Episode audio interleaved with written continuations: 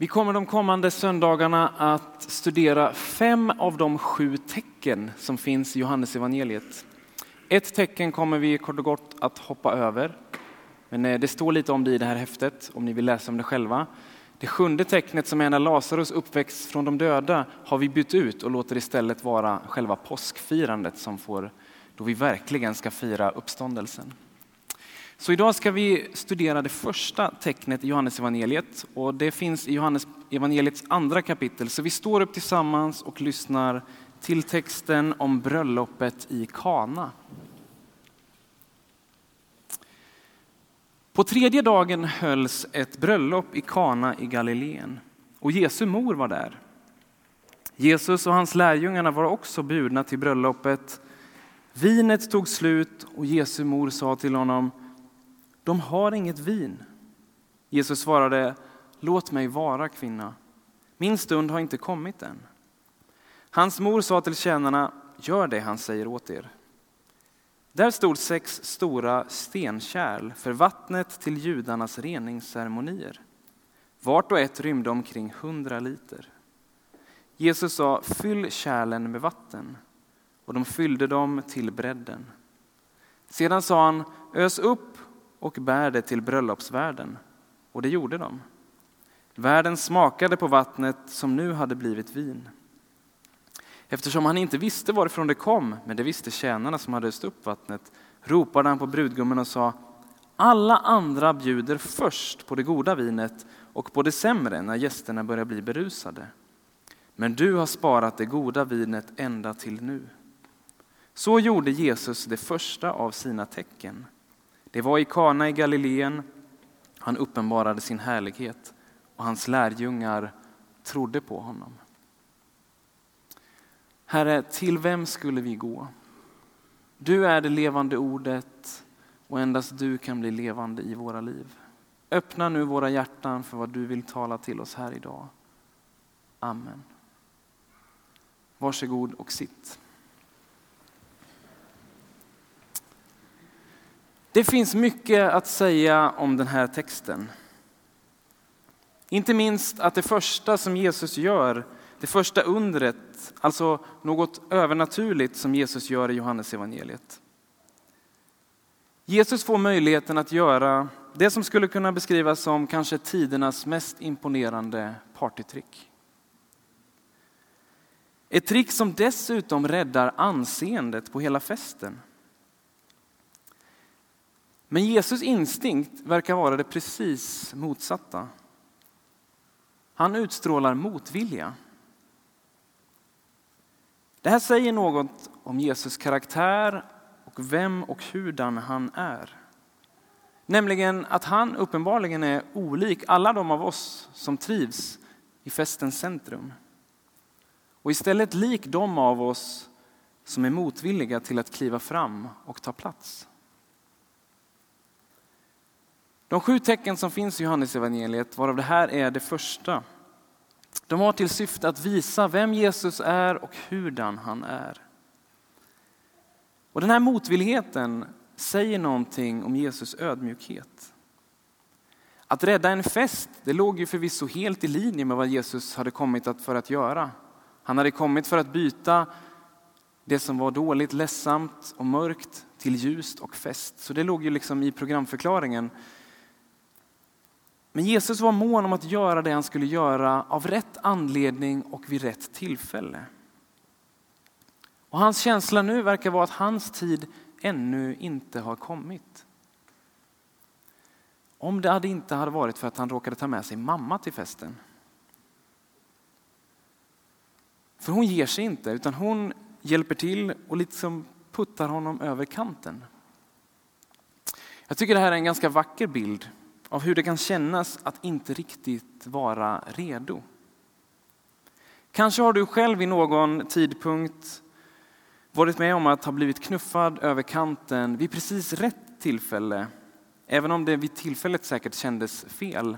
Men i efterhand går det att se att ja, jag var nog ändå redo. Självklart bör ingen knuffas över kanten vid fel tidpunkt. Men för de flesta av oss så kommer nog ganska många uppgifter och utmaningar alltid att verka vara lite för stora för oss att ta an. Och då kan vi behöva den där lilla knuffen som hjälper oss att våga. Så som kanske till och med Jesus behövde. Den engelske författaren C.S. Lewis har fångat det här väl i en av sina böcker om eh, fantasilandet Narnia. I boken om prins Caspian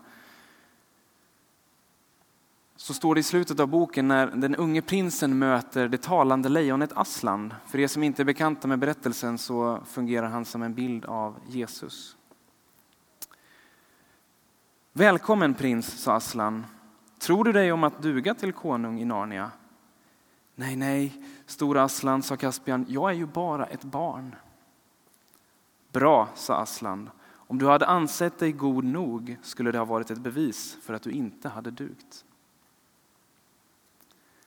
Tänkvärda ord från det talande lejonet. Hur vet vi egentligen när vi är redo? En helt annan intressant aspekt av det här tecknet som vi läste om är hur det går till. Jesus väljer sig att använda sig av stora reningskärl som vanligt användes till judiska reningsceremonier. De här utgjorde en väldigt viktig del av hur den judiska tron praktiserades av många vid det här tillfället.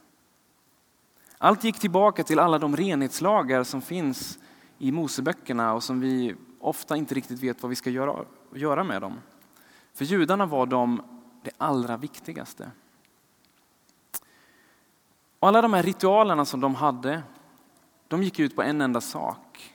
Att bli av med den orenhet som de hade dragit på sig i kontakten med kanske speciella djur eller människor som var sjuka eller massa olika saker. Så fanns det olika riter och reningsceremonier och även offer i templet för att bli av med allt det som var orent i mitt liv så att jag skulle kunna komma nära Gud. Det budskap som Jesus kommer med det är att han själv möjliggör för alla som vill att tro och ta emot den renhet som Gud själv erbjuder.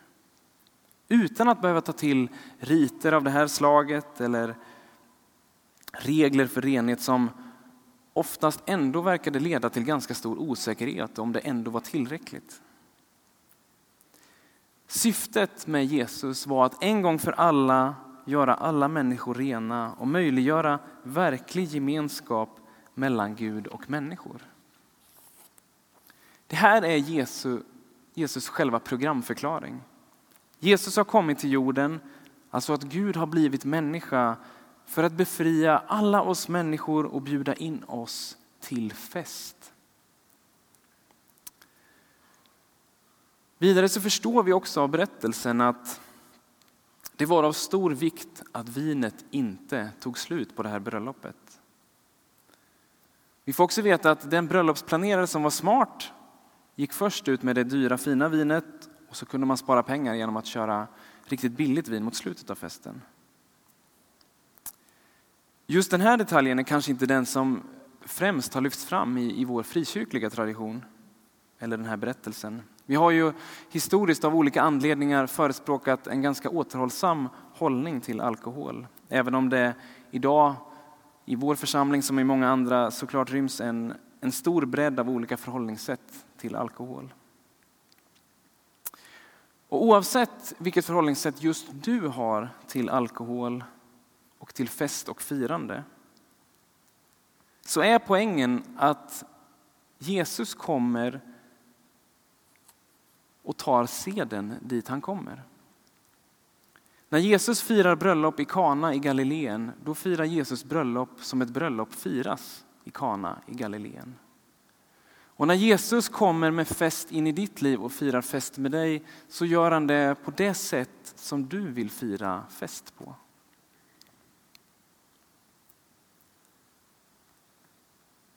Därför tror jag att det kan finnas en poäng att, att Guds fest och Guds firande det är en fest som rymmer alla livets skeden. Vi ser ju det här även i vår tradition. Alltså på sätt och vis så är ju en, en begravning lite av en fest. När man på tacksägelsestunden efteråt får komma samman och minnas allt det positiva mitt i en ganska sorgsen stund. Och kanske kan det också vara så i just den livssituation som du befinner dig att, att det kan finnas utrymme för en liten fest eller någon sorts firande på de villkor som passar dig just där du är nu. Och det är inte alltid det passar med en hejdundrande tredagarsfest alla bröllopet i Kana. Men tron på Jesus rymmer alla livets skeden, både sorg och fest. Eftersom vi de kommande söndagarna kommer att titta närmare just på några av de här tecknen som finns i Johannes evangeliet så har vi valt att sätta ett ord, ett temanamn för varje söndag som lite fångar innehållet i texten. Och dagens tema är törst. Och för er som nu blir oroliga att predikan hittills har varit en inledning, så är det inte. Det är ungefär två minuter kvar. Vi har satt temat törst för att vi tror att det här tecknet också vill visa oss att Jesus har kommit för att släcka vår törst. I fjärde kapitlet av Johannes evangeliet så möter Jesus en kvinna vid en brunn. Och han talar om att han är det levande vattnet och att den som dricker av det aldrig blir törstig igen. Den kristna tolkningen av detta är att alla människor är skapade till Guds avbild och att vi därför alla bär på en existentiell längtan att hitta tillbaka till Gud, att, att leva i gemenskap med Gud. Vad är det för längtan som du bär på i ditt liv? Vad är det i ditt liv som likt de här judiska reningsceremonierna håller dig tillbaka och hindrar dig från att, att blomma ut och växa i din relation med Gud och andra människor? Vad är det som du behöver och vill bli befriad från? Och hur firar du glädjeämnena i ditt liv? Hur inbjuder du Gud att dela hela ditt liv, både glädjeämnen och de andra jobbigare sidorna? Må du bli befriad från de reningsceremonier som håller dig tillbaka och som håller dig borta från gemenskapen med Gud. Må du upptäcka den längtan som Gud har lagt ner i just ditt liv. Och må du ta emot den frihet och det levande vatten som bara finns hos Jesus Kristus. Guds enda son som kommit till jorden för både din och min skull. Så att den törst som finns i ditt liv få stillas av Gud själv. Amen.